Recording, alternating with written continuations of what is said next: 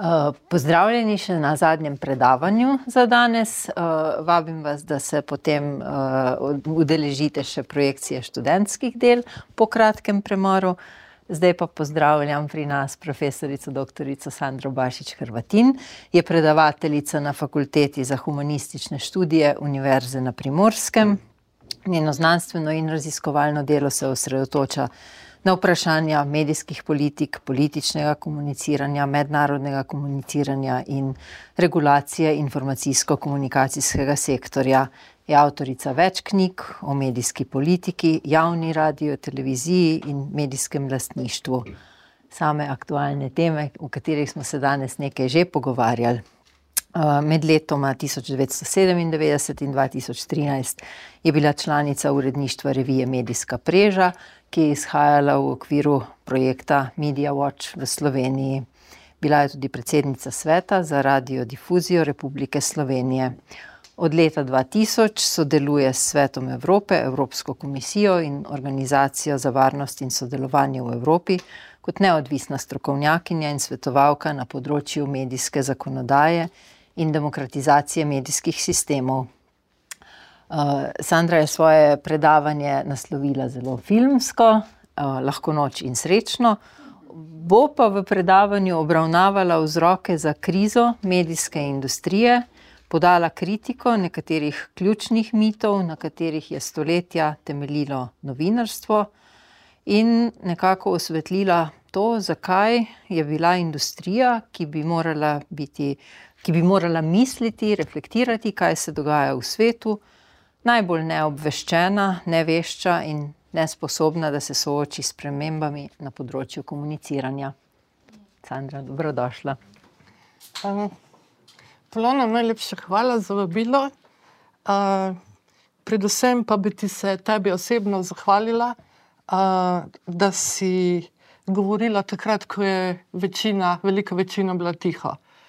In v obdobjih, takih obdobjih, ljudje spoznajo prijatelje in sovražnike. In jaz sem zelo vesela, da sem v tem obdobju tebe spoznala in da lahko štejem, da si vse prijateljice na tej profesionalni poti, na kateri se skupaj uh, gibljeva. Zdaj, Polona je iskala in uh, da tako in dam nek naslov. naslov. Jaz sem dolgo premišljala in sem vzela. Uh, v bistvu ta naslov, um, ki ima nek, nek, nekakšno zanimivo zgodovino, zaradi tega, ker večina ta naslov povezuje s filmom Georgea Clooneyja o Edwardu Murrow. Uh, in v katerem je tisti znameniti štiriminutni govor, ki se konča s tem stavkom, lahko noč in, lahko noč in srečno, uh, ki v filmu deluje kot nekakšen kot nekakšen, nekakšno opozorilo nekoga, ki je videl več, ki se je upal več. Uh, in ki je na koncu ugotovil, da industrija, za katero je toliko let delal, ni vredna njegovega boja. Uh, lahko noč in srečno naslov filma v originalnem govoru, ki ga je Edward Murrow imel leta 1958 v Chicagu, Illinoisu, ni tega stavka je 37-minutni govor, uh, ki ga je moral imeti potem, ko je tudi sam bil žrtva mekartizma v Združenih državah Amerike.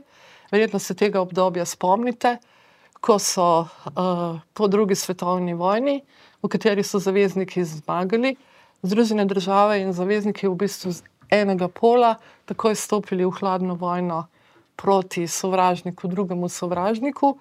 In so številni, predvsem v Združenih državah Amerike, bili tarče besnega antikomunizma, nadlegovanj, izgubili so službe, niso mogli delati, bili so pod uh, konstantnim zasledovanjem CIA in tako naprej. Recimo Bertolt Brecht so pred parimi leti odprli njegov dosje, v katerem boste videli da so ga iz dneva v dan nehno spremljali, imeli številne zasledovalce, ki so pisali opombe o tem, kaj počne in tako naprej.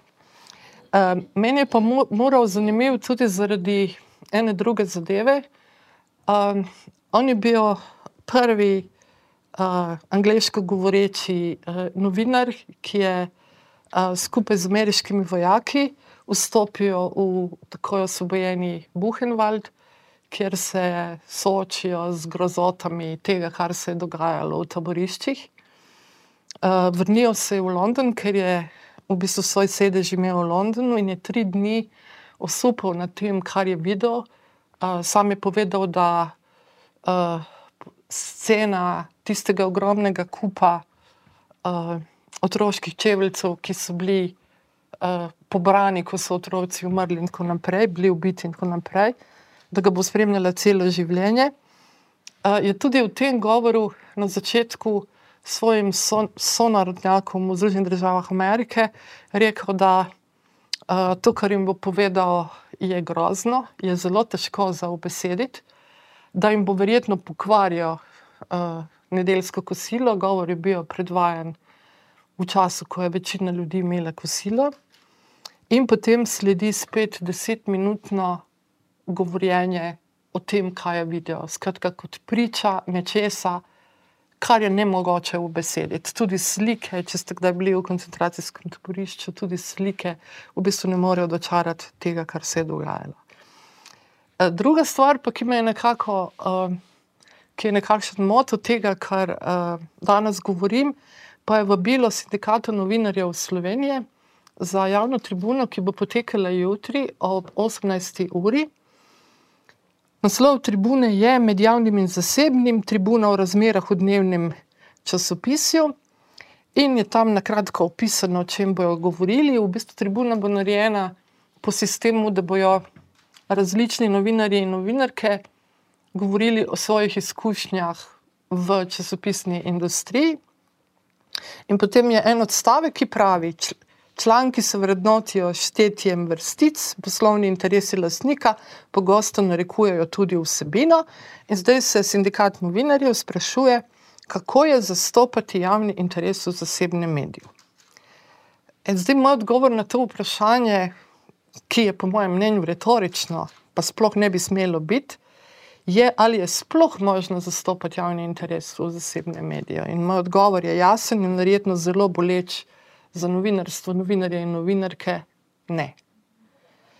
In zdaj moje predavanje se začne, v bistvu sledi eno literarno, literarno dimenzijo. Uh, začnem s knjigo Žila Verna, Pariz in the 20th Century. Uh, knjiga, ki jo je Žil Verne napisal, Žil Verne ste brali, skratka, vse kakšne od njegovih knjig. In zdaj si predstavljate naslednjo situacijo. Pred 30 leti njegovi potomci se odločijo, da bojo hišo, ki je bila v lasti družine Verne že več kot 150 let, da bojo hišo izpraznili, jo prodali in v hiši najdejo en sef, v katerem je bil rokopis ene Vernove knjige ki nikoli ni bila izdana. Zakaj ni bila? Zdaj predstavljajte si, Vern je pisal 150 let nazaj o zadevah, ki so potem postale realnost. Skratka, to, kar je bila njegova domišljija, se je potem izkazalo, da je v bistvu tehnološki razvoj šel v to smer. No, knjiga, oziroma rokopis knjige, ki je potem leta 1994 uh, dejansko izšel, Uh, pa je založnik, pri katerem je Verni izdajal svoje knjige. Uh, je po mnenju tega založnika bila toliko, tako neverjetna in tako nespremljiva, da se sploh niso upali tega objaviti, ker so mislili, da ljudje temu ne bojo verjeli. Da je ta znanstvena fantastika tako neverjetna, da je v bistvu žanrovsko ni dobro napisana. In zato je ta rokopis preživel dobro stoletje za zaprtimi vrati tega sefa, in potem so ga izdali. In je zdaj knjigo možno prebrati. In vsebina knjige je, zato s čim se jaz ukvarjam, zelo zanimiva. Zdaj kratek povzetek. Skratka, glavni lik romana, Mišel Dufresnoy, bi se težko rodil v manj primernem zgodovinskem obdobju. Fakulteta mu je ravno podelila nagrado za najboljšo pesem v latinščini, zato se ni upal pokazati doma. Nosilci takšnih priznanj so veljali za največje zgube, saj sta družbi vladala inženirska miselnost in podjetništvo. Inženirji so gradili napredno infrastrukturo, podjetniki so se ukvarjali z denarjem ter prevzeli še nekdanje vloge politikov in državnih uradnikov. Umetnosti ni bilo več niti v muzejih, ker ni bilo v muzejah. V knjižnicah so izposojali samo knjige v enosmernem toku, obrestnem računu in konstrukciji nadzemne železnice. Balzaka se je morda spomnil samo še kak upokojeni profesor. To so v bistvu kratki povzetki, ni moja opis, ampak to je dejansko v knjigi. Mišelovi neprilagojeni pesniški druži, duši so morali pravila, pravila novega sveta razlagati sopotniki, ki jih je srečeval med neuspešnim iskanjem življenjskega poslanstva. In eden najpomembnejših njegovih sogovornikov je bil dolgo zamolčani stric Hugenin, črna ovca družine, človek, ki je do svoje upokojitve predaval humanistiko, tako kot jaz. Ko sta se nekoč sprehajala po novodobnem Parizu, je stric Mišelu med drugim pojasnil, kako so zaradi velikih družbenih sprememb izginjali številni stari poklici. In na seznamu izumrlih poklicov pa so se znašli tudi novinari. Razlogi za izumrtje novinarskega poklica so bili vernovsko pronicljivi in presenetljivo natančni, čeprav je knjiga bila napisana leta 1863. V družbi, ki jo upravljata inženirska in podjetniška pamet, je začela zato, zato kmalo izumirati politika. Politične stranke so še vedno ostale, a so se vsebinske ideološke razlike med njimi manjšale, saj tehnokratsko-finančna družbena ureditev ni poznala ali pa sploh potrebovala alternativ. Izginjanje politike ni prizadelo samo politiko, ampak tudi časopise, ki so vso svojo zgodovino služili političnemu razredu, politiki in meščanstvu, ki je politike volilo in o njej debatiralo. Ker politika ni več nikogar zanimala, so novinarji ostali brez najpomembnejše vsebine in časopisi so se skrčili najmanj za polovico. In časopisi so potem na ta manjkajoči prostor poskušali napolniti z drugimi vsebinami, najti nove bralce, a jih je prizadela nova nadloga. Politiki in uh, gospodarski vplivneži so naenkrat ugotovili in postali siti te nenehne novinarske pristranskosti, zato so v imenu uravnoteženosti in zaščite državljanskih pravic zahtevali, da mora vsak časopis po vsaki kritiki omogočiti tudi objavo popravka ali nasprotnega mnenja. Uredniki so se takoj po sprejemu novega zakona znašli v hudri zadregi zato, ker so pri vsakem objavljenem članku morali objaviti na desetine popravkov, kritik, drugih mnenj in tako naprej. Časopisi, ki so ustrajali pri kritičnem pisanju, so naenkrat postali debeli, svetka, ogromno vsebin. In tega nihče več ni bral, zato ker se nihče več ni mogel znajti skozi te vsebine, ki so objavljali. Družbenim spremembam so se pridružile tudi tehnološke in to je za naše razumevanje tega, kar bo v nadaljevanju, zelo pomembno. Včasih je veljalo, da je bralcev precej več kot piscev. Knjige so pisali in izdajali redki, prav tako časopise, saj je bila cena tiska in distribucije previsoka za posameznika. Tehnološka revolucija pa je izjemno pocenila tisk in distribucijo, zato je lahko svoje misli nenadoma objavljal kdorkoli. Sprememba se je sprva zdela pozitivna, saj je tehnologija odpravila vse ovire, ki so ljudi odvračale od pisanja in demokratizirala nekoč elitno dejavnost. Vendar navdušenje ni dolgo trajalo. Kritik in kritikov že zdavnaj ni bilo več zaradi strah, strahu pred popravki in tožbami, zato ni neštetih novih objav nihče razvrščal ali vrednotil. Novi avtori in avtorice so večinoma pisali samim sebi ali oskemu krogu enako mislečic, zato si niso ustvarili širšega občinstva. Število piscev je preraslo število bralcev in zato je založniška dejavnost postala nesmiselna. Na tanko 150 let potem, ko je to Vern opisoval, se njegove napovedi uresničuje. E zdaj prvi mit, na katerega bi opozorila, je seveda mit, da je časopisna oziroma medijska industrija, tak, množični mediji, predvsem tako, kot jo poznamo danes, v krizi. Jaz podelim mnenje skupaj z britanskim novinarjem in urednikom digitalne izdaje revije Economist, Tomom Standidgem, ki je v knjigi Writing on the Wall o prvih dveh tisočletjih državnih medijev zapisal, da je bila medijska industrija, kakšna se je uveljavila in prevladovala v 20. stoletju, morda le kratka zgodovinska motnja. Standič je prepričan, da so bili mediji vedno in predvsem družabni. V izkopaninah mesta Pompej, ki ga je po izbruhu vulkanskega vezova prekril pepel, so na zidovih našli številne grafite, ki zelo spominjajo današnje dopisovanje na elektronskih zidovih Facebooka. V času reformacije so imeli teološki in politični spisi Martina Luther podoben viralni učinek kot današnje udarne novice na družbenih omrežjih. Za svobodo govora so se v 18. stoletju borili pamfletisti in mali založniki, po katerih se danes gledujejo politični blogeri, gverilski spletni založniki in pisci anonimnih komentarjev. Medijskih podjetij ni poznala niti zgodnja meščanska javnost, saj so časopise izdajali kvečemu vladari, premožni zasebniki ali politične stranke. Zato je bil tedajni medijski prostor zelo podoben današnji blogosferi, kjer so bili avtori večinoma tudi samozaložniki in je vsak nagovarjal skupine enako mislečih posameznikov. Konec 19. stoletja pa se je začela medijska panoga radikalno spreminjati. Verjetno poznate film Državljan Kane. Parni tiskarski stroj je omogočal izdelavo več deset tisoč izvodov časopisa.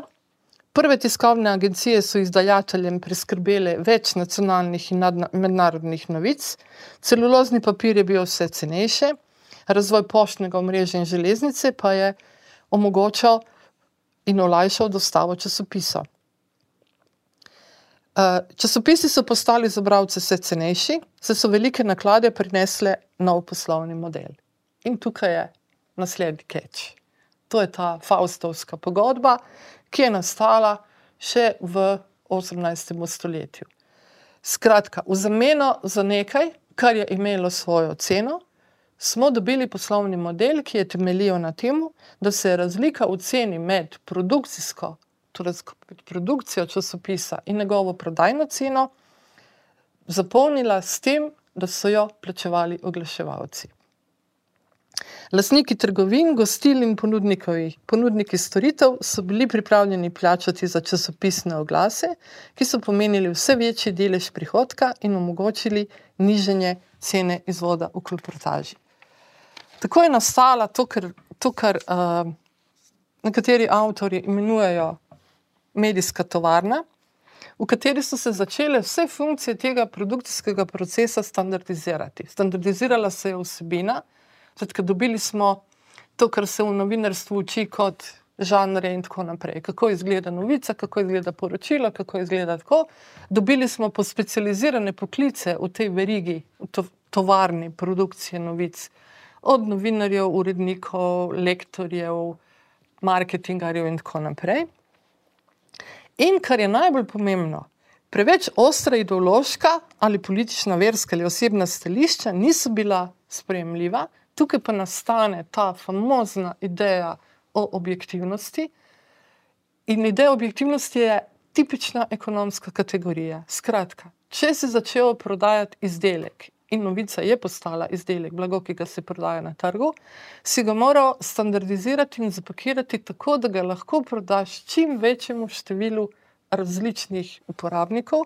In zaradi tega so se klestila ta ideološka. Pol Krugman bi rekel, um, da je to največja alkimija, ki nastane v produkciji novic.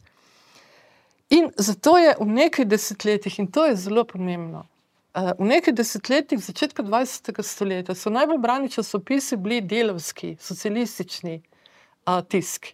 Ampak so propadli kljub velikemu številu bralcev. Če koga zanima, lahko vzame knjigo Jamesa Kurana in bo tam videl zelo natančno, zakaj so propadli. Zaradi tega, ker so jih bojkotirali oglaševalci. In je cena teh časopisov bila previsoka, da bi si jih lahko bralci, ki so večinoma pripadali delovskemu nižjemu razredu, ki ni imel visoko kupno moč, si tega niso mogli privoščiti. Skratka, ti časopisi niso prepadli zaradi tega, ker niso bili brani, ampak zaradi tega, ker jih niso podprli eh, oglaševalci.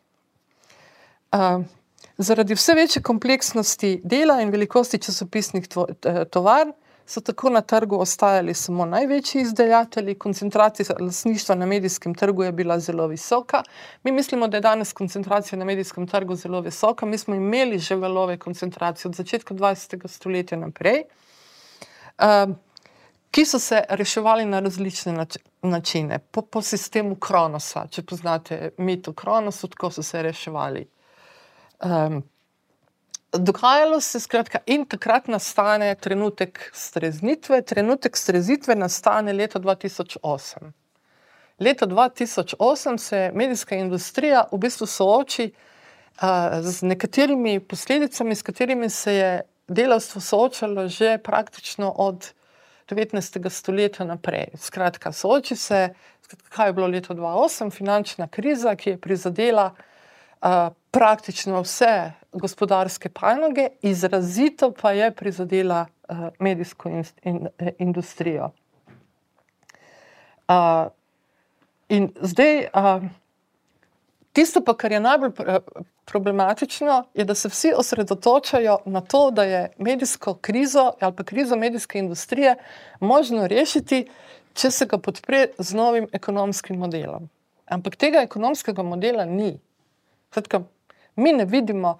Mislim, jaz zmeraj zastavim vprašanje mojim študentom, kdo, plaču, kdo kupuje časopis. Mislim, to je ono, da vprašam, ali se kdo slači nag na priširnovem trgu. In ljudje, in potem jim rečem, in vsi rečejo, da, da v bistvu gledajo brezplačno ali berajo brezplačno. In jaz rečem, noč ni brezplačno. Ker je eno tipično marketinško pravilo. Če nekaj ne plačeš, to pomeni, da si ti izdelek. Nekdo tebe kupuje za določeno ceno. Tako, to je zelo, zelo enostavno. In je zanimivo, da je v bistvu neoliberalizem, ki nam vse čas govori, da ni brezplačnega kosila, da je vse treba plačati. V bistvu motor, ki ga poganja medijsko industrijo, uveljavijo ta model brezplačnosti, da vse plačujemo, razen novic, medijev in tega. In to je zanimivo. Treba premisliti, zakaj je do tega prišlo. Skratka, največja težava pa nastane, seveda, pred uh, novinarji, uh, ki upajo, da bodo, da bodo morda dobili boljšega laznika in potem razmišljajo o prevzemu ali pa ustanovitvi nove tovarne. Lastniki medijev, novinari, bravstvo je pa že itak šlo, uh, se oklepajo te zgodovin, zgodovinske anomalije, o kateri je pisal Tom Standič, medijske industrije in novinarskega poklica. Sedanja kriza, skratka, medijske industrije ni samo kriza medijskih tovarn, ampak je kriza novinarstva in kriza, predvsem, vloge, ki naj bi jo novinarstvo imelo v družbi. S tem se soočamo tudi na univerzah. Humanistika in družboslovje morata dokazati svojo znanstvenost in uporabnost po načelih tehničnih strok, inženirska in podjetniška miselnost po vsem svetu postavlja ideološko podlago za novo družbeno uroditev in nadomeščata demokratično politiko.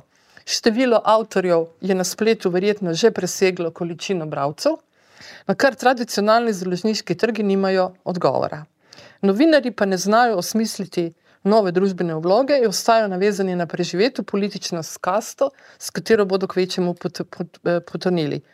Konec oglaševalskega modela v medijski panogi je strukturen in dokončen, novinarjev pa ne čaka samo prelom, prelom z oglaševanjem in iskanje novih načinov plačevanja novinarskega dela, ampak predvsem iskanje nove družbene identitete, kar je pravilno napovedal že futurist Žilver.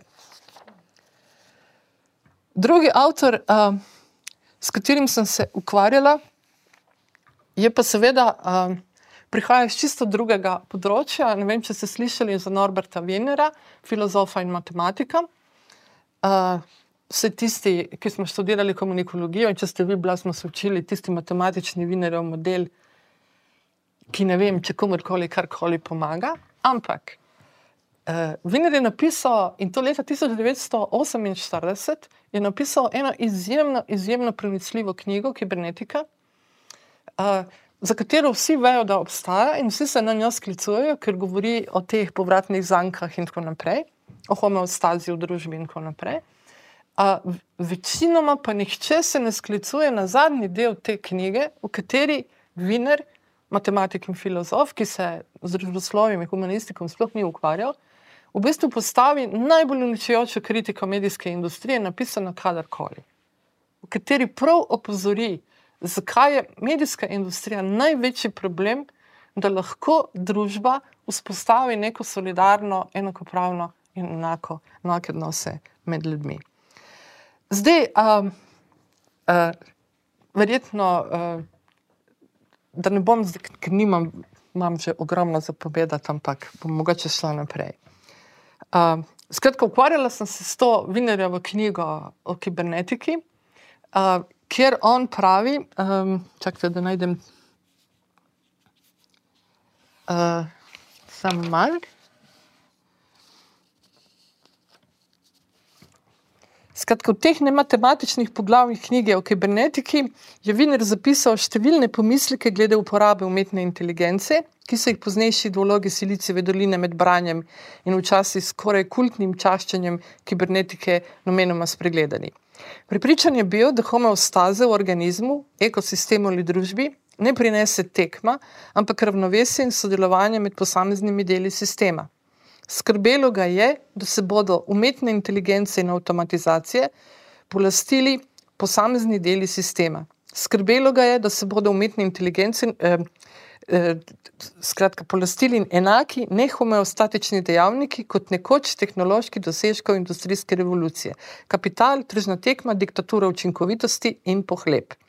Ostro je nasprotoval prepričanju, da je svobodni trg po naravi homeostatičen, ker se iz sebične tekme nikakor ne more čudežno ustvariti ravnovesje. Kapitalizem je zato primerjal z državno igro Monopoli, v kateri veljajo pravila ekonomsko-psihološke teorije iger. Sistemom, v katerem na koncu vedno zmaga en igralec na račun, na račun drugih, to da na koncu tudi njega pokoplje nezadovoljstvo, iz katerega vzniknejo nove revolucije in vojne. Če hočemo ugotoviti, kdo najbolj učinkovito razbija družbeno homeostazo, se moramo najprej vprašati, kdo obvladuje sredstva, s katerimi komunicira družba. Tisk, knjige in časopise, radio, telefonsko mreže, telegraf, to so Vinerove besede. Ti komunikacijski sistemi so podvrženi trem najpomembnejšim omejitvam, ki preprečujejo delovanje v smeri družbeno homeostaze. Prva omejitev je zahteva po ukinjanju manj dobičkonosnih področji ali vsebin, da bi jih lahko nadomestili bolj dobičkonosni. Druga je lasništvo, saj so lasniki komunikacijskih sistemov predstavniki premožne družbene manjšine, ki hoče z njimi uveljavljati in razširjati ideologijo lastnega razrednega interesa. Tretje pa je želja, želja teh posameznikov po politični in osebni moči. Zato od komunikacijskih sistemov ni mogoče pričakovati homeostatičnega delovanja, dokler so prepuščeni igri moči in denarja. Ti odstavki so se v prihodnjih desetletjih branja Vinerja in njegovih, njegovih del večinoma izgubili. To pa najbolj vidimo pri še enemu zelo vplivnemu računalniku in matematiku, Johnu McCarthyju, ki je leta 1964 na Stanfordu ustanovil skupino za raziskovanje in razvoj umetne inteligence tudi pojma, ki ga je prvič uporabil na karti. Umetna inteligenca je postopoma zamenjala kibernetiko in pripričanje, da je treba družbo izboljšati z učinkovito uporabo informacijskih strojev in obdelavo velikih podatkovnih zbirk. Kibernetika je imela izrazito politično poslanstvo, ki ste jo v knjigah To the Cloud, Big Data in a Turbulent World in Cybernetic Revolutionaries opisala kanadski sociolog Vincent Mosko ter ameriška profesorica Eden Medina. Umetna inteligenca je imela ravno nasprotno vlogo, saj je veljala za neideološko in zato neutralno. Da, ne, da, da še enkrat se vrnem, uh, za Vinera komunikacijski sistemi nikakor niso bili neideološki in ne, neutralni. John Mark, Markov je v knjigi What the Door Mouse Said nakazal, da je tudi McCarthy razmišljal o komunikacijskih sistemih, ko je v strokovnih člankih opisoval prihodnost osebnega računalništva. Leta 1970 je napovedal informacijski terminal, opremljen s tipkovnico in zaslonom, na katerem bo mogoče prikazati po več strani besedila in fotografij. Takšen terminal bo s telefonskim omrežjem povezan na računalniški, srežniški računalnik, kjer bodo shranjene knjige, revije, časopise, kataloge, vozni redi letali, javne informacije in tako naprej. Kar je po letu 2010 za tako povezavo med terminalom in strežnikom uporabil izraz računalniški oblak. McCarthy je upal, da se bo mogoče s takšnim elektronskim sistemom izogniti homogeni propagandi, njegove besede, ki jo je zanj poosebljal centraliziran sistem množičnih medijev, zlasti televizije. Namesto tega bodo uporabniki prosto dostopali do informacij, si razširili obzorje ter prisluhnili mnenjem in stališčem, ki niso imeli prostora v tedanjih medijih.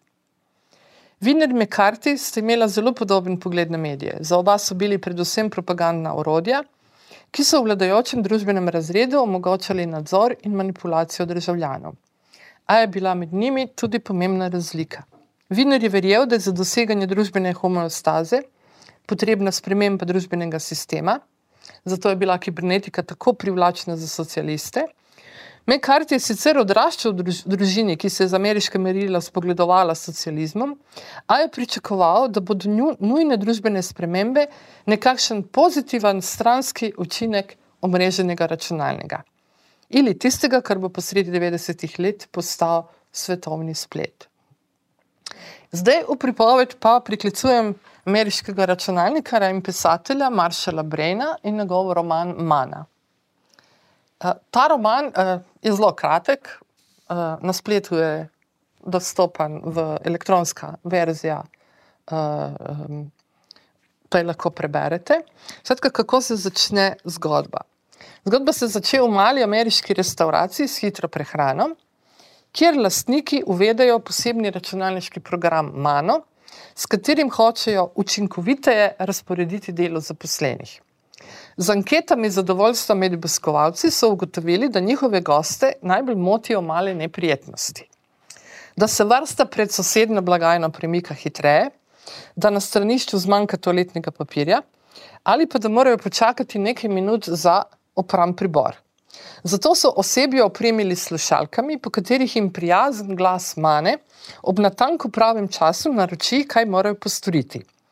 Gosti so navdušeni, restauracija postane izjemno uspešna in lastniki so začeli tudi v druge lokale nameščati podobne učinkovitostne programe. Zdaj vam ni treba veliko imaginacije, da vidite, v katero smer zadeva gre.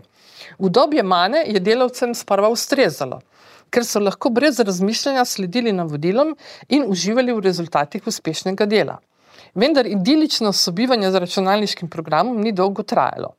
Ljudje niso mogli tekmovati z neskončno učinkovitostjo strojev in umetne inteligence, zato je avtomatizacija odpravila večino poklicov in delovnih mest.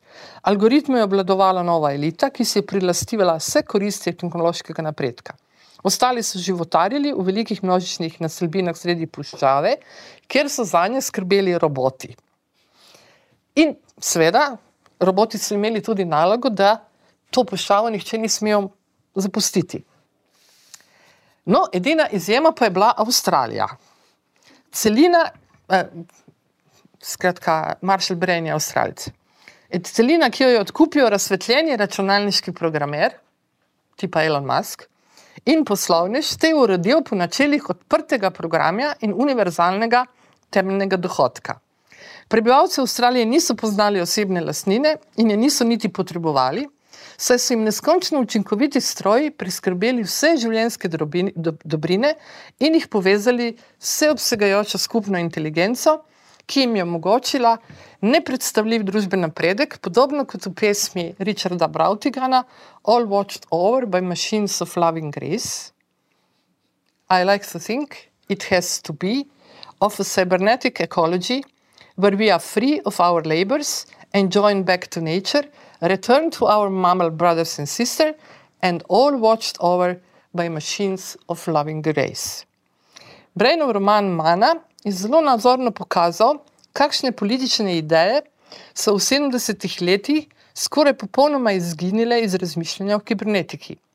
Viner je že v knjigi Cybernetics napovedal, da bo imeli pametni stroji podoben vpliv na kognitivno delo, kot ga je imel parni stroj na fizično. Zapisal je, da bi nas lahko pametni in skoraj neskončno produktivni stroji odrešili dela in vsem prinesli blaginjo. Vendar se to ne bo zgodilo. Če bomo ljudi prisilili v tekmo z nečloveško učinkovitostjo strojev, taka tekma ima samo en možen izid. Stroji bodo najprej prevzeli dolgočasna in birokratska opravila, ker bodo hitrejši, natančnejši, zanesljivejši in predvsem cenejši od ljudi. Jaz bi dodala tudi, ne organizirajo se v sindikate. Na to bodo zamenjali manj zahtevne poklice v storitvenem sektorju, na koncu bodo sledili še beli ovratniki, specialisti, ustvarjalci in umetniki. Novinari so v prvem krogu in so že zamenjali. Recimo novice z področja športa, financ pišejo računalniški algoritmi. V svetu, kjer bo preživetje še vedno odvisno od plačanega dela, skoraj noben človek več ne bo mogel preživeti s plačanim delom, je zaslutil utemeljitelj kibernetike. Na mesto homeostaze pa bomo imeli družbo, v kateri si bodo lahko človeka vredno življenje privoščili samo še lastniki pametnih strojev, na kar namiguje prvi del Brenovega romana. To, da preteklost ponuja tudi dragoceno sporočilo, da sedanja nadzorniška uporaba informacijskih in komunikacijskih tehnologij ni neizogibna in edina mogoča, kar je Viner zelo dobro vedel. Delavci so morali politike z organiziranim bojem prisiliti, da o delovskih pravicah ne razmišljajo le v okvirih terorističnega znanstvenega menedžmenta in povečevanja učinkovitosti, ampak upoštevajo tudi nedopustnost izkoriščanja, pravico do poštenega plačila in skrb za primerne delovne razmere. Pripadniki družbenih kategorij, ki so jih birokratski standardi in normativi uvrščali med nenormalne, skratka etične in rasne manjšine, gej, lezbike, politični oporečniki in častilci nevečinskih božanstv, so si državljanske pravice vsaj formalno izborili šele po desetletjih ali celo stoletjih boja za enakopravnost. Onesnaževanje okolja je bilo dolgo le samo umeven spremljevalec industrializacije, tako imenovane externalities, dokler ga niso začeli problematizirati organizirane okoljevarstvene skupine in ustrajati, da je varovanje narave in skupnega življenjskega prostora pomembnejše od zasebnih interesov lastnika tovarne. To lekcijo si se bojo morali naučiti tudi novinari. Družbi nadzora se je mogoče upreti šele takrat, ko ideologija skrbne države in interesov informacijskega kapitalizma ne bomo več postavljali pred informacijske pravice, ki državljanom v demokratičnih družbah zagotavljajo svobodo izražanja, dostop, prosti dostop do informacij in varovanje zasebnosti. Brez teh pravic si ni mogoče predstavljati aktivnega državljanstva in prizadevanja za pozitivne družbene spremembe. Pametni stroji jih ne morejo zagotoviti, prav tako jih ne bodo zagovarjali novi medijski lastniki, ali jih skupaj s tehnološkimi, podjetniki uvedli tehnokratski politiki. Gre za spremembe, za katere se moramo boriti sami. Lahko noč in srečno.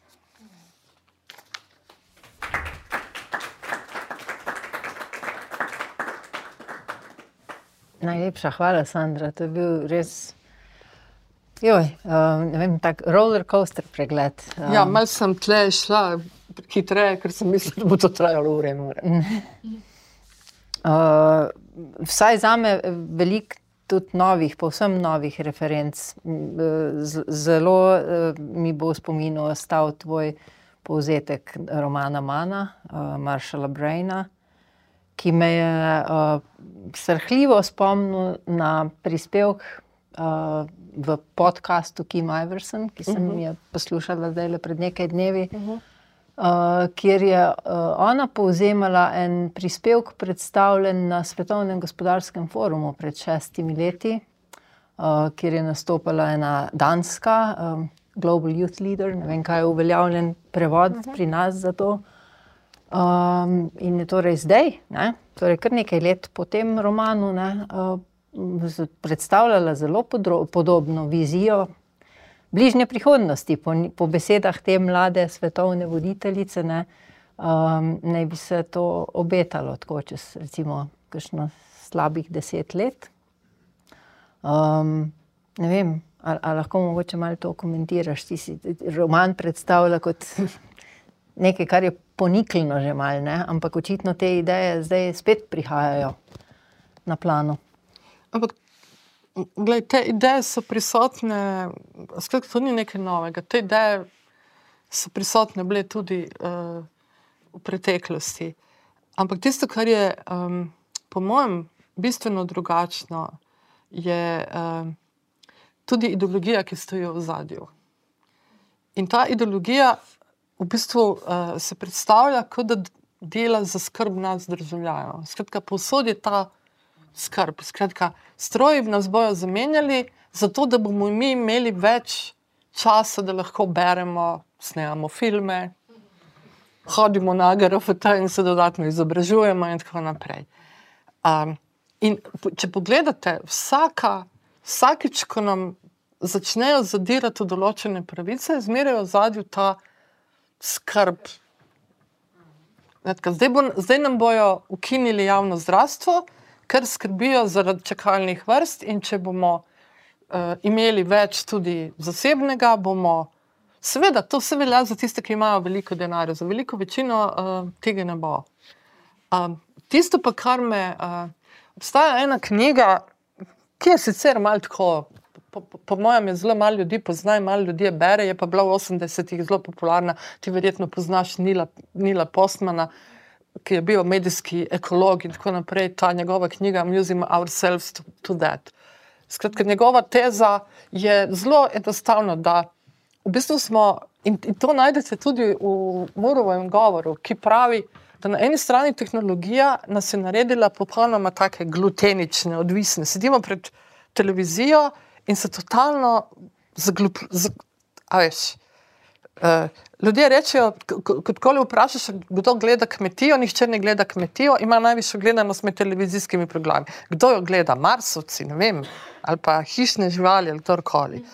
Skratka, na drugi strani pa, če pogledaš recimo število gledalcev kmetije in število voljivcev, boš videla, da veliko več ljudi gleda kmetijo, kot se bo udeležilo volitev. In, in, ampak vseeno menim, da v celi tej zgodbi mediji imajo pomembno vlogo in jih je treba prisiliti, da to vlogo pravijo. To je ključnega pomena. Glede na to, kar je bilo rečeno bolj na začetku, je to verjetno naloga, ki jo morajo izpolnjevati, predvsem javni servis. Absolutno. In zato, in zato, in zato je uh, ena od zadev, ki je, ki je za me pomembna, za vse, kar se zdaj dogaja. Vse lahko rečemo, da je javni servis za nič. Imajo oddaje nekatere, ki so take, da sploh ne veš, v katerem stoletju je to bilo, kje so se ti ljudje učili te estetike. Ampak če tega medija, predstavljate si, da tega medija ni, ki vsaj deloma postavlja določene standarde, ki veljajo za celoten medijski prostor.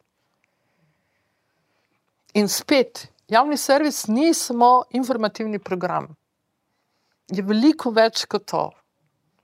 In če bomo vse dali na kategorijo tega, kaj je vem, gledano, kaj je poslušano, in tako naprej, potem bomo imeli to, kar bomo imeli. Ampak tisto, pa, kar, me, kar, je, kar je še bolj, ne vem, če ste opazili ta trend. Recimo, eh, 18. stoletje eh, so časopisi bili časopisi. Um, recimo, vzamite tekst, uh, kantov tekst, kaj je razsvetljenstvo. To je nastalo kot pisma bralcev v polemiki med avtori. In po, po mojem se bo zgodilo to, kar se zdaj dogaja, je, je nekaj nespremljivega in ljudje ne vem, zakaj o tem ne razmišljajo, ker je ta privatizacija javne komunikacije poteka vsak dan, v vsakem trenutku, vsako uro. Uh, da recimo danes kritične medijske projekte financirajo bogati posamezniki, filantropi. To je model medijskega sveta iz 18. stoletja. Svetka, mi smo naredili 200 let, da smo, se, da smo prišli nazaj na točko, ko vem, Peter Thiel ali pa vem, uh, Bezos se kupijo Washington Post in ga rešijo pred tem, da propade.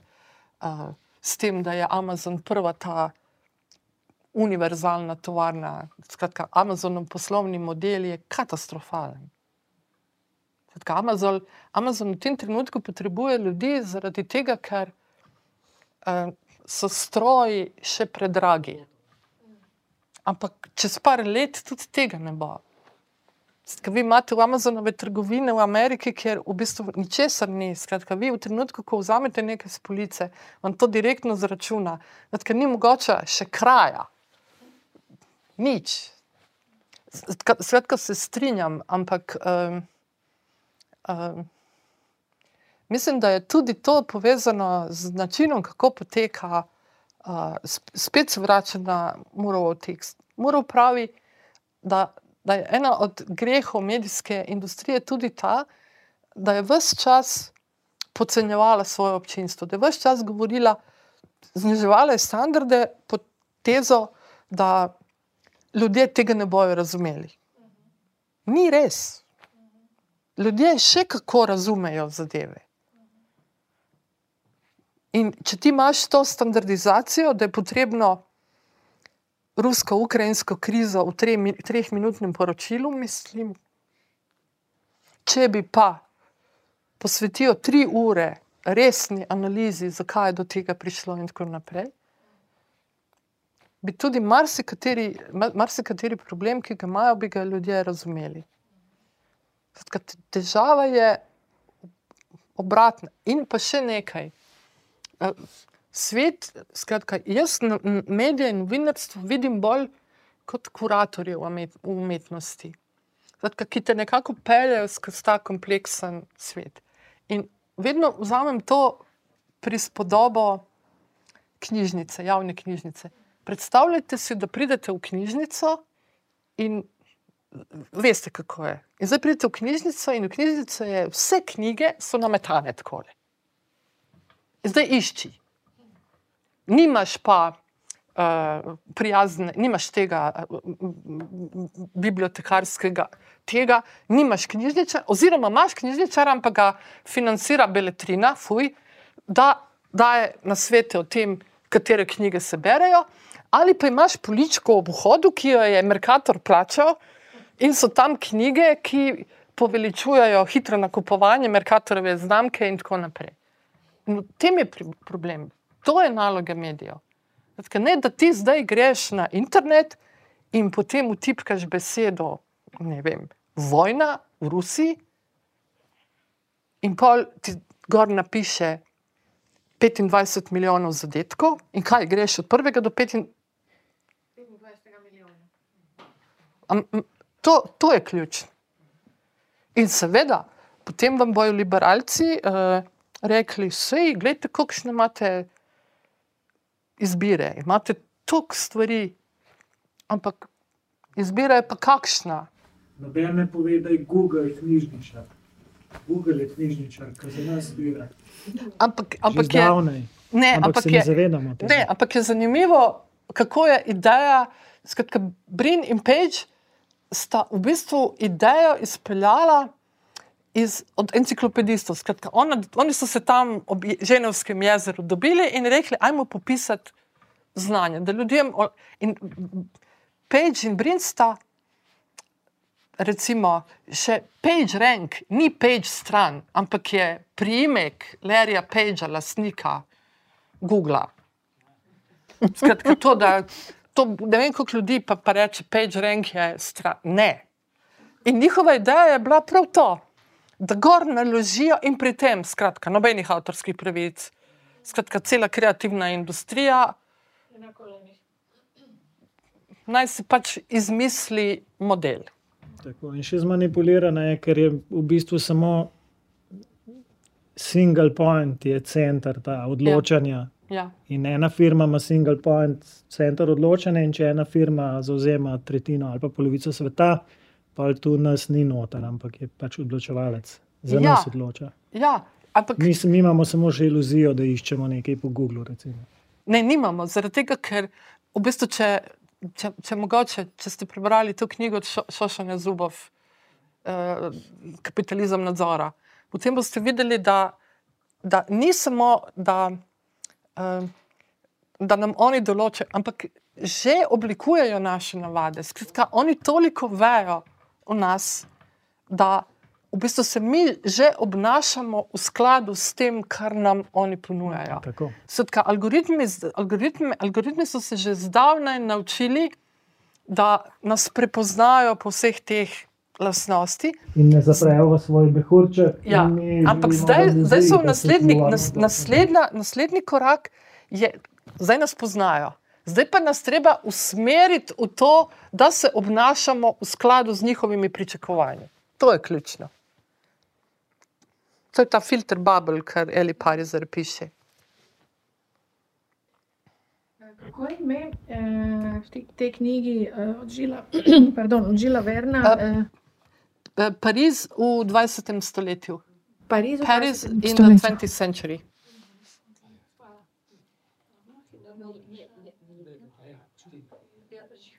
Ja, super, mislim, krasno predavanje.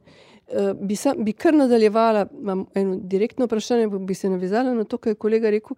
Eh, Za Google so celo ugotovili, zdaj le nekomu, mislim, da v Ameriki, hvala Bogu, da bo moral plačati um, globo, zato ker menda se na tiho dogovarja s temi, ki proizvajajo hardware, um, da pomagajo, da najdemo sem njega. Eh, Problem je v tem tudi, da porabijo ogromne ne- električne energije. Električno energijo pa porabijo zaradi tega, ker v bistvu večina hitov je, je lažnih in to zaradi tega, ker, kot si rekla, lepo nas prodajajo. Ne.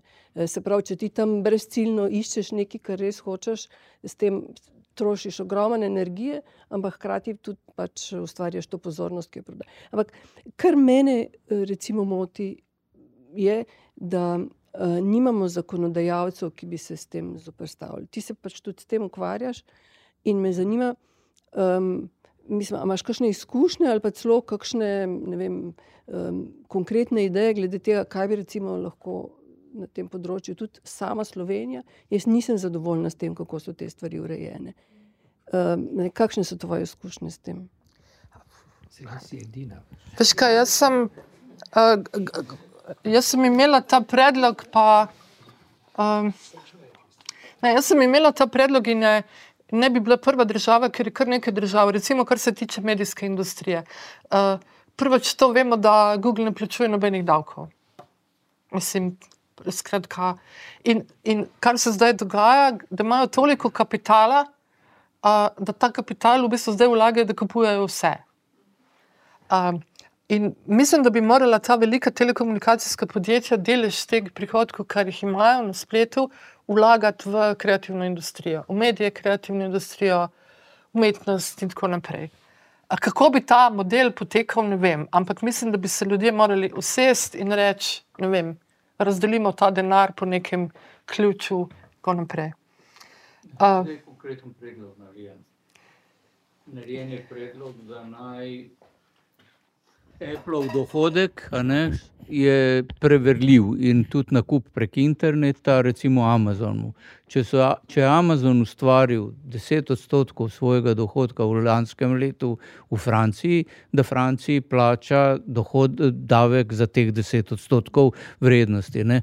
Problem je v tem, da vsi te se pogovarjajo s figo v žepu. ne.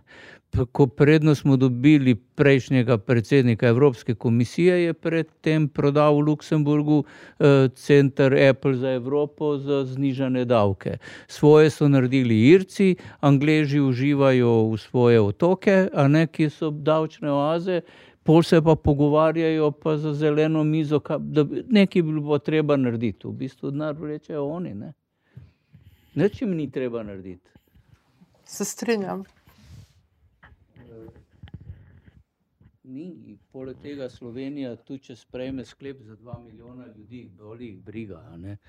Mislim, morajo sprejeti Nemčija, Francija, pa Amerika. Amerika pa nima interesa, ker se največ tega denarja pri njih obrne. Od vseh svetovnih avtorskih pravic američani največ zaslužijo. Ne. Recimo, zdaj, danes je razprava o novem zakonu o avtorskih in sorodnih pravicah. Uh, skratka, znanost in raziskovalni sektor se obravnava enako kot katerakoli druga veja industrije. In zakonodajalec, skratka, uh, univerze, uh, raziskovalni inštituti, uh, sindikati, SVIZ in visokošolski sindikat so proti temu imajo pripombe, opozarjajo na to. Um, predsedujoča komisije pa reče, da to ni tako veliki strošek, to je samo 2 evra po enem učencu. Zdaj pa množite 2 evra z učenci, kar jih imamo na vseh stopnjah šolanja, pa boste dobili milijon, dva denarja, ki bo spet šel um, v privatne žepe. Sicer ni, eh, Ideja ni v tem, če je 2 evra, kar 2 evra, ali, ali Ja. če je to malo, ali je to veliko. Ja. Ampak v tem, Tukaj da je- govorimo o avtorskih pravicah, ki so namenjene poučevanju. Ja, Skratka, če bi zdaj, me razumete, če bi jaz zdaj uporabila uh, čisto omejeno, z nobeno reprodukcijo, nobenim komercialno izrabo teh avtorskih del, bom zdaj morala za to v bistvu plačati neko fiksno vsoto, ki se bo čisto kot glavarina, glede na število študentov in tako naprej. Seveda, dva evra na študenta ni veliko, ampak zakaj? Natančno. To Ja. je, naslednja stvar je potem, da bomo za en požirek vode ali vem, Ja. za eno flašo. Vse to je tudi, vsej to je kar dva centa po flaši, vse to ni tako veliko, pa tako naprej. Eh, hotela sem vprašati za, eh, za to eh, sliko prihodnosti, oziroma že eh, sedanjosti eh, novinarske oziroma medijske industrije. Eh, ona je zelo, zelo podobna, eh, kot ste jo op- opisali, zelo podobna kot eh, v knjigah eh, Juvala Hararja. Eh, pa, pa je mo, moje, moje, m- moje, raz, eh, kako se pravi, moje razumevanje eh, knjige, njegove naslednje knjige Homo Deus o umetni inteligenci, o sistemih, ki bojo prevzeli. Eh, v, v bistvu končala tako, eh, da je eh, pustila odprto možnost, eh, kakšne odloke in kakšne eh, izbire bomo sami naredili. In je ideja v tem, da bomo imeli boljše izbire, da, da smo prosti, da smo svo, svobodni v tem, kakšne izbire bomo delali in kakšni naši postopki bojo. Um, dejansko, m, za zdaj mi se zdi, da imamo par sistemov, medijskih sistemov, ki nam omogočajo relativno uh, jasne, uh, jasne informacije o tem, kaj se kje dogaja in zdaj. En, en primer je eh, vojna v Ukrajini. Če hočemo, lahko poizvemo natančno, kaj se je dogajalo, odkdaj, zakaj, in, in tako naprej. K- Kako se vam to zdi? Um, zdaj, glede uh, uh, Harareja, uh, ko berete tistih njegovih, kako je že, zmeraj mi pride on, on uh, Peterson in unem. On je imel 12 lekcij, on je imel kak, ne vem, on ima 20. No, 21 za 21 stoletje. Uh, in mislim, da je na, na koncu 21. ta, da gremo vsi za en mesec v puščavo Nagev in meditiramo, kar on počne že leta in leta. Uh, Nažalost, večina od nas je tukaj in zdaj in uh, lahko meditiramo. Ja. Uh, uh, tisto, pa, kar se mi zdi najbolj, najbolj, najbolj problematično, je, da danes, v tem trenutku, o posledicah avtomatizacije in uh, skratka, verjetno se ti, Melita, s tem ukvarjaš. I, i, jaz ne, mislim, izraz umetna inteligenca ni pravilen, ampak učeče se mašine. Um, ampak danes, recimo, uh, ljudje, ki se in to vrstni fiziki, matematiki, ki se ukvarjajo z razvojem teh učečih se mašin, oni danes v bistvu med njimi potekajo razprave, humanistične razprave o tem, kako je te tehnologije treba regulirati. Humanistika in družboslovje pa nima nobenega odgovora na to. Skratka, oni so prvi leta nazaj uh, uh, začeli tudi okrog prepovedi dronov v vojaške namene, zaradi tega, ker je to absolutno neetično in nemoralno. Kot oblika vojskovanja in kot oblika uh, tehnologij, ki se ne bi smeli uh, uporabljati, in tako naprej. Skratka, jaz mislim, da, da nažalost je, to je pa tudi povezano uh, z neko oskostjo, s, katerom, s katero se znanost na inštitucijah, kot so univerza, razvija, da bi morali v bistvu začeti razmišljati nek, o nek, nek takih presetiščih med. Um, Med tem, s čim se ukvarjajo, recimo tisti, ki razvijajo te tehnologije, pa potem filozofi in vsi ostali, da v bistvu postavimo neke temelje, ker to, na kar oni opozarjajo, je, da bodo te mašine v bistvu iskale najbolj učinkovito rešitev. In najbolj učinkovita rešitev ni nujno, da bo v korist človeštva, me razumete?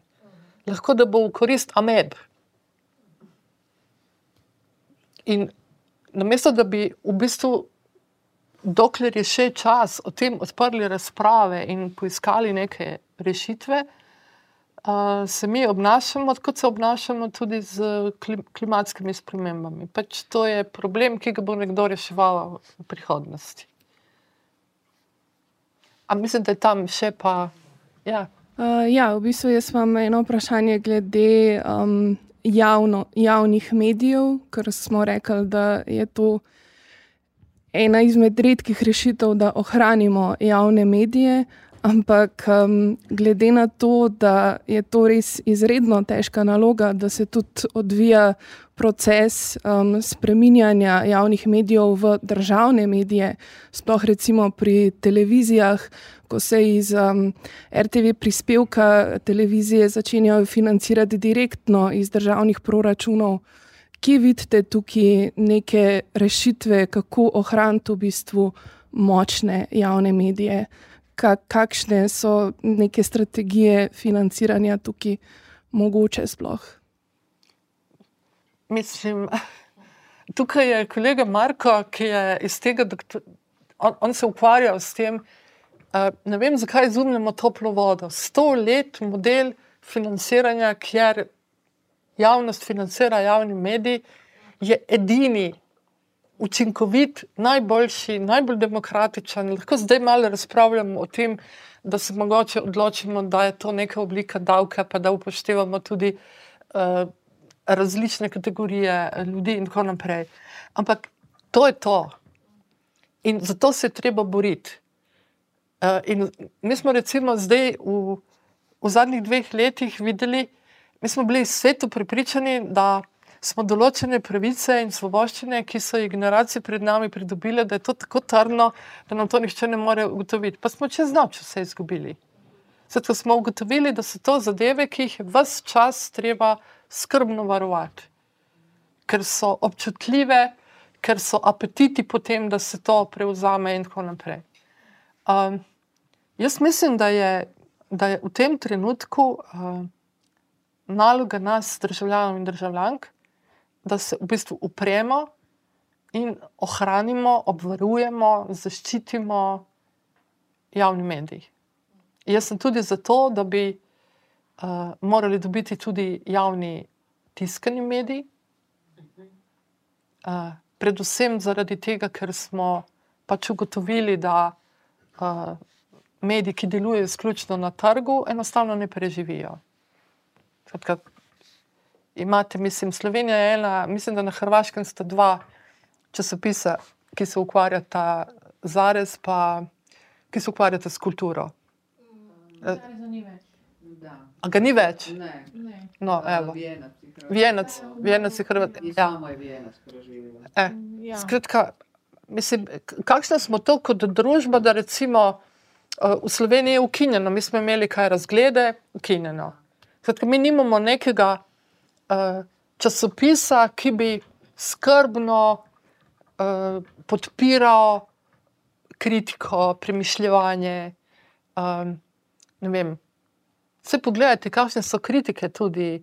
Uh, mi smo včasih imeli časopise, ki so imeli resne kritike z področja kulture, umetnosti in tako naprej. Evo, Melite pisala o televiziji, o filmu in tako. Vi, ko danes pogledate, uh, ne vem, danes je kritika, una, uni prstek gor, če jih je več gor, ali pa če jih je več dol. Skratka, to, to je, skratka, vsako, vsak, vs- vse stvari, ki jih kot, kot, kot, kot kulturo, umetnost, uh, premišljanje in tako naprej, bi morale biti nenehno razpravljati o tem v družbi. Uh, in to pa potem, ko to izg- izgine, potem pa dobimo to bevskanje na Twitterju in te primitivce, ki mislim. Ne, da niso nič prebrali, mislim, to so ljudje, mislim, ki imajo kratki stik v možganjih, res, kuršil so v možganjih. To je problem. In za kulturo javnega dialoga pa moraš nekaj vlagati, me razumete? To ni kar tako. Kulturo javnega dialoga, univerza, javni mediji, številne inštitucije, ki na tem področju delajo. Prosim. Ja, um, jaz bom vseeno še na nekaj upozoril in sicer je to posledica tega, da uh, se zmeraj spomnim na Walterja Benjamina in uh, v zvezi pač ravno z tem emancipativnim potencialom množične kulture. Ne? Um, zdaj, sve, že tudi iz teh, te naše diskusije bi rekel, lahko bi to posnel, ne, da vsi skupaj živimo v distopiji. Ne. Distopija ni nekaj prihodnjega, je že skozi tukaj. uh, no, ampak jaz bi rekel tako, no, recimo to, kar je zdaj bilo omenjen, Twitter in tako naprej. Ne. Eh, Prva forma tega ne, eh, so bili recimo eh, časopisi, kot je bil Fölkischer Beobachter, in tako dalje, ne, te, tega psovanja in tako dalje. Ne, skratka, eh, skratka, to je, je tisto, če mora Badju prav, ne, generični fašizem, ne, se zmeri znova izrazi in tako naprej. No, ampak vendarle, ne, eh, eh, da se vrnem k Benjaminu. Benjamin je v času največjega obupa, 30 letih, ne, objavil tisti svoj znameniti spis, ne, v katerem uh, je nekaj tako uh, genialnih stavkov, da jih ne moreš za doskrat zvečkrat znova, znova prebrati. Ne. In eden od teh je ta, ne, da, da, da zdaj ne bom čisto natančno citiral, ampak on uh, opozarja na to, da v, v teh, m, tej množičnosti medijev in tako dalje neki emancipativni potencial. Pravi, ne, ne sme nas z, pri tem zmotiti to, da se najprej pojavljajo v zlohotni obliki. In zdaj smo v fazi tega, da imamo zlohotno, upraviti z zlohotno obliko. ne. Um, In no, recimo no, en uh, teoretik, ki se sicer ukvarja z umetnostjo, zgodovino in tako naprej, Timotej Marej, ki je napisal knjigo Digital Baroque leta ravno 2008 pred krizo, uh, je, je recimo na, na te aspekte upozoril. Mi, mi smo v neki strahotni transformaciji, uh, ki uh, je seveda podprta s tehnologijo, je pa vprašanje, če je z njo determinirana. Ne? Ne, uh, ampak uh, in ponavadi je tako, da kadar, kadar, kadar smo v tem toku transformacije, uh, uh, radi spregledamo uh, tiste, tiste uh, vzvode, ki, ki pomenijo uh, ne vem, nek korak v, v, v nasprotno smer od tega, kar nam kaže ta distopična uh, in tako dalje uh, vizija. Ne. Uh, In konc koncev, ne, poglejmo, ne, internet, eh, seveda, ne, Google je vse to, ne, ampak je tudi Wikipedija, je tudi um, konc koncev no, eh, primer, fenomen Assange, ne, oziroma eh, kako je že ne. Eh, Wikileaks ne, je, je recimo primer, ki kaže na to, da je intervencija v, v, v, v tej sferi eh, dojeta kot nevarna. Ne. In, in, in je, ko bi rekel, na mesto razrednega boja imamo Assangea, pa tistega, ki je v Moskvi, no, kako mu že ime. ne. Snowden. Ja, ja. Snowden. ne. Ja. Tako da, eh, no, seveda, je, zmeri, zmeri pa pride pol spet do apropriacije. Eh, No, recimo, je moja izkušnja naprimer, z, z, ravno s tem, eh, da so postale, postale znanstvene revije strahotno nedostopne, drage. eh, Ne vem, ne, eh, eh, je, eh, to, recimo, tudi če hočeš objaviti, ne boš ti dobo avtorskega honorarja, ampak ti moraš plačati objavo, ne, če te, če te, uh, spri, sp, če te sprejmejo. Ne. Potem jaz sem večkrat, tudi ker sem bil v svetu za visoko šolstvo, opozarjal, da, da ne, vprašal, koliko, koliko enega denarja se zlije iz slovenskega raziskovalnega budžeta k tem monopolnim založbam, naprimer, in tako dalje. Ne. Uh, skratka, Ne, ampak potem se je pojavila Akademija Edu. Ne vem, koliko je prvič sem na njo naletel, ne vem, deset let nazaj ali koliko. Ne, in uh, vsak lahko nekaj tam objavi, in vsak lahko čita, in tako dalje. In še zmeraj to funkcionira, ne, konc koncev. Seveda, eh, pomnožuje se pa to. Akademija Edu, pa ResearchGate, ne, eh, maili, ki te opozarjajo, da te nekdo bere, in tako dalje. In vse, kar moraš narediti, da boš videl, kdo te bere, je to, da boš plačal pro, pro profesional. ja, ampak celo že pred tem, pred tem ko so izumili. Se lahko plač... tudi plačaš, da te berejo. Ja.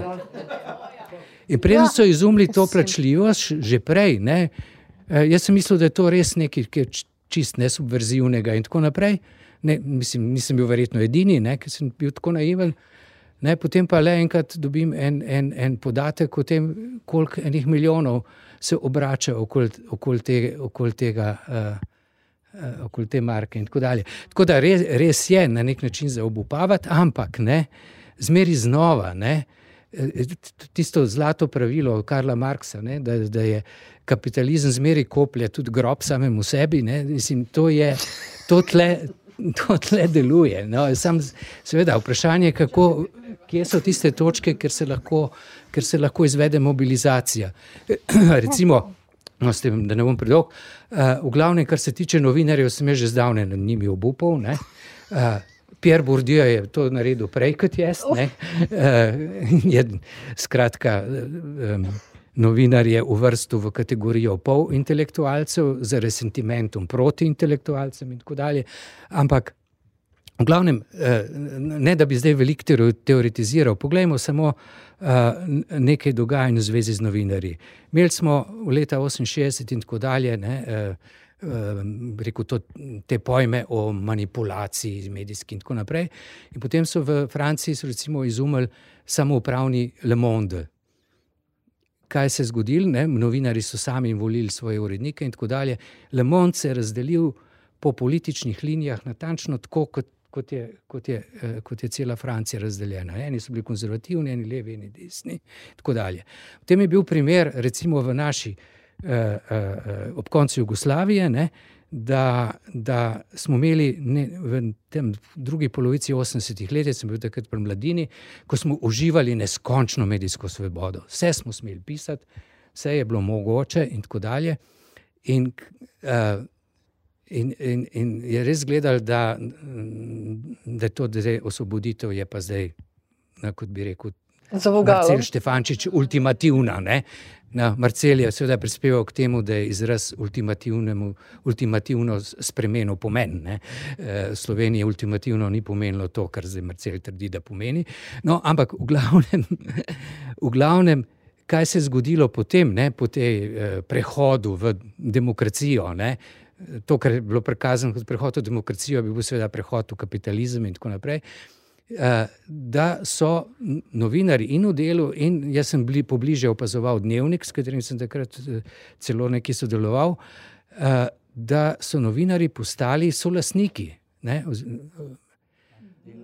Ja, in, in kaj, mislim, ni, ni dolgo trajalo da so rade volje tiste svoje delnice prodali, namesto da bi se sklicevali na to lasništvo in upravljali z medijem. Da, ja, ja.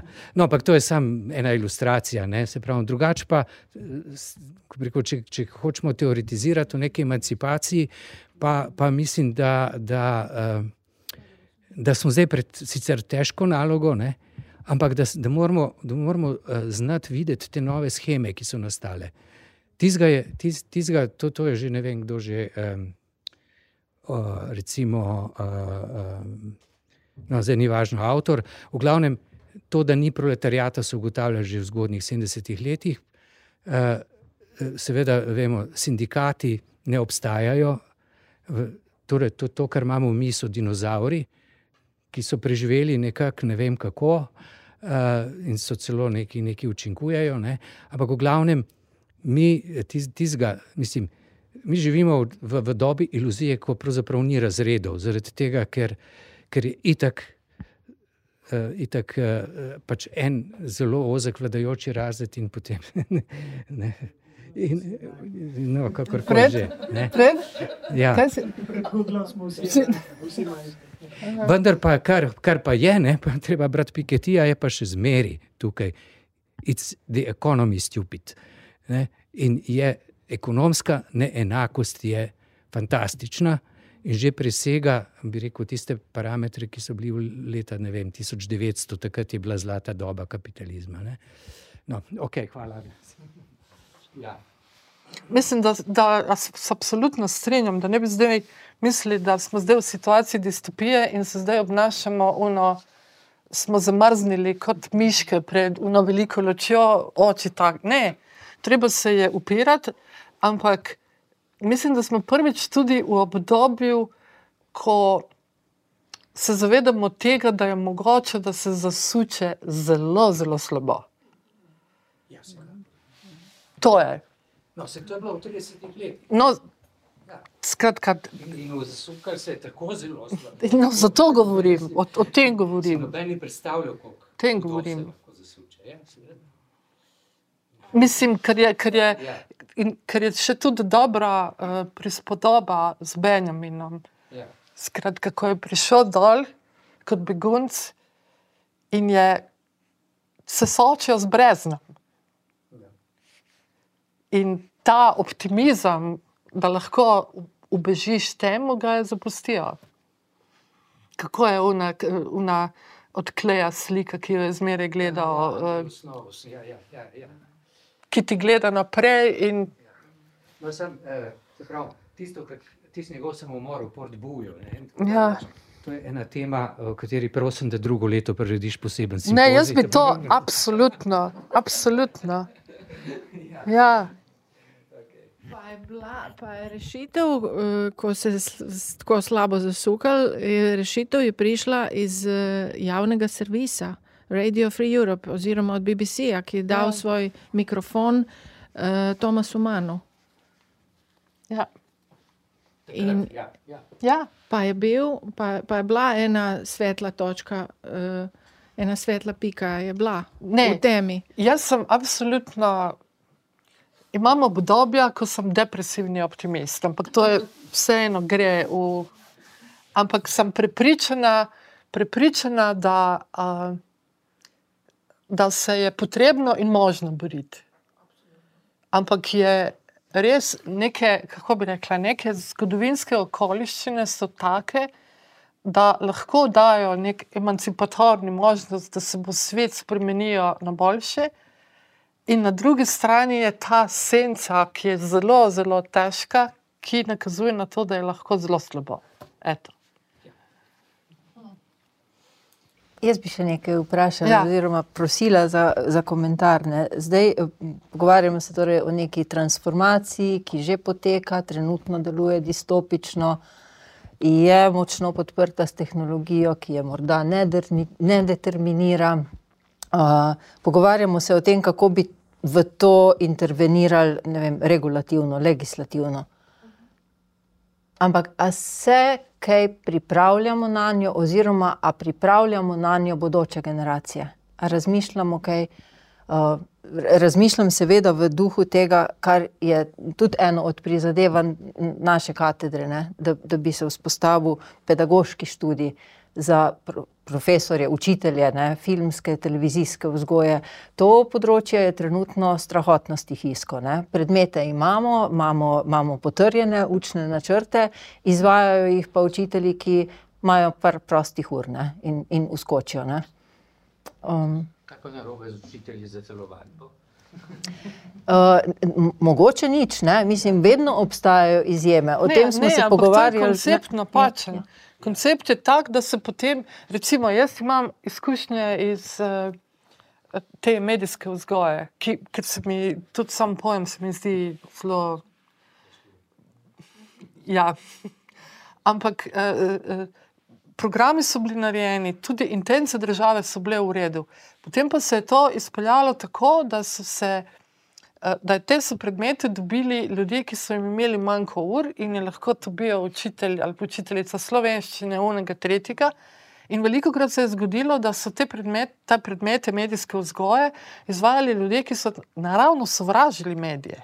Ali pa so bili neka moralna policija, ki je otrokom tam bičala, tega ne smete gledati, to ni v redu, in tako naprej. Skratka, v tem je problem. Skratka, če se že uvajajo taki programi, sem absolutno za, ampak to potem mora, mora biti jasen nek namen, zakaj to počnemo. Ja, mislim, te vizije trenutno tako čvrste ni. Ne. Imamo strategijo uvajanja, imamo predmete, ki se že izvajajo ne, in izvajajo se točno po tem ključu. Bodi si, če ima ustanova šola ne, uh, nekaj dodatnih sredstev ne, v, v svojem um, vem, žepu, da ne rečem proračunu, ne, potem si lahko privošči, da recimo pogodbeno zaposlijo uh, kakega režiserja, naprimer, ne, ki bo, uh, kar se filmske vzgoje tiče, z otroki delal uh, v zelo ustvarjalnem, praktičnem smislu. Ne. Ali pa tako, da se te ure razdelijo. Pogosto poslušam seminarske naloge do, na to temo, ki jih pripravljajo študenti na filozofski fakulteti, ki opravljajo prakso v šolah ne, in potem poročajo z terena, kakšno je stanje glede filmske vzgoje. Običajno so to učitelji telovadbe. Ne? Ja, tako. Ne, ampak. Ne vem, ampak.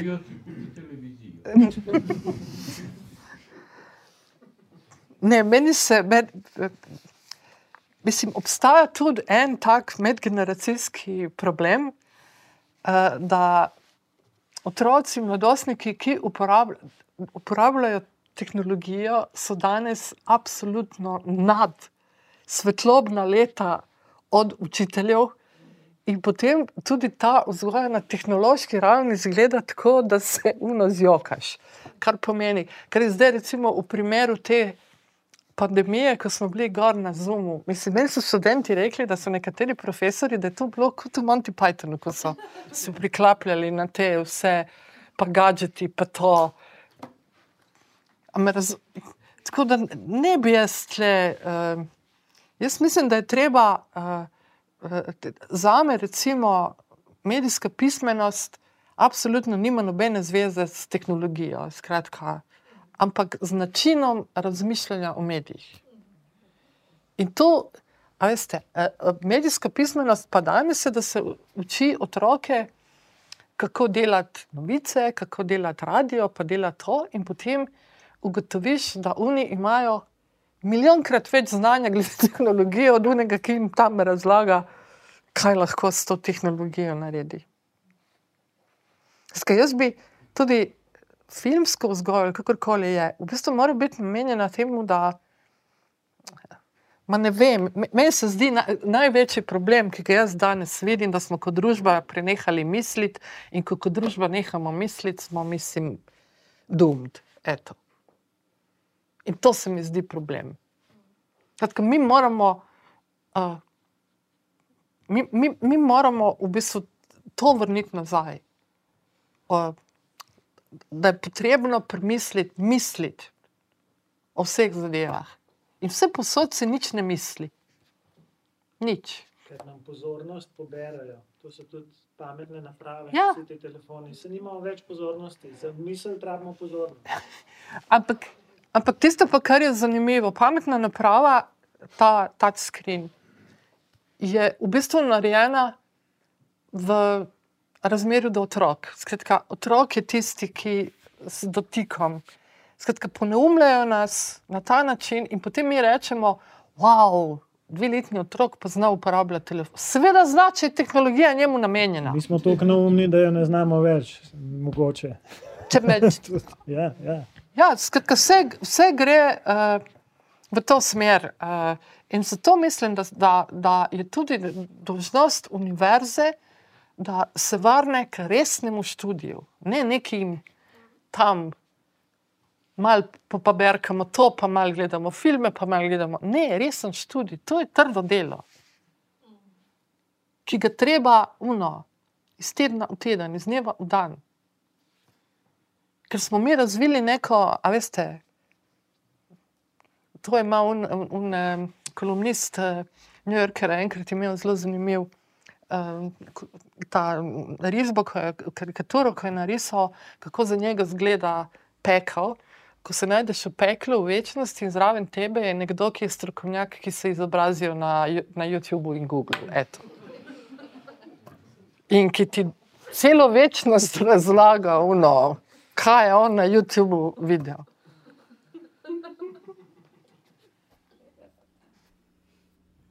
Ok, a smo zaključili. Hvala vam najlepša.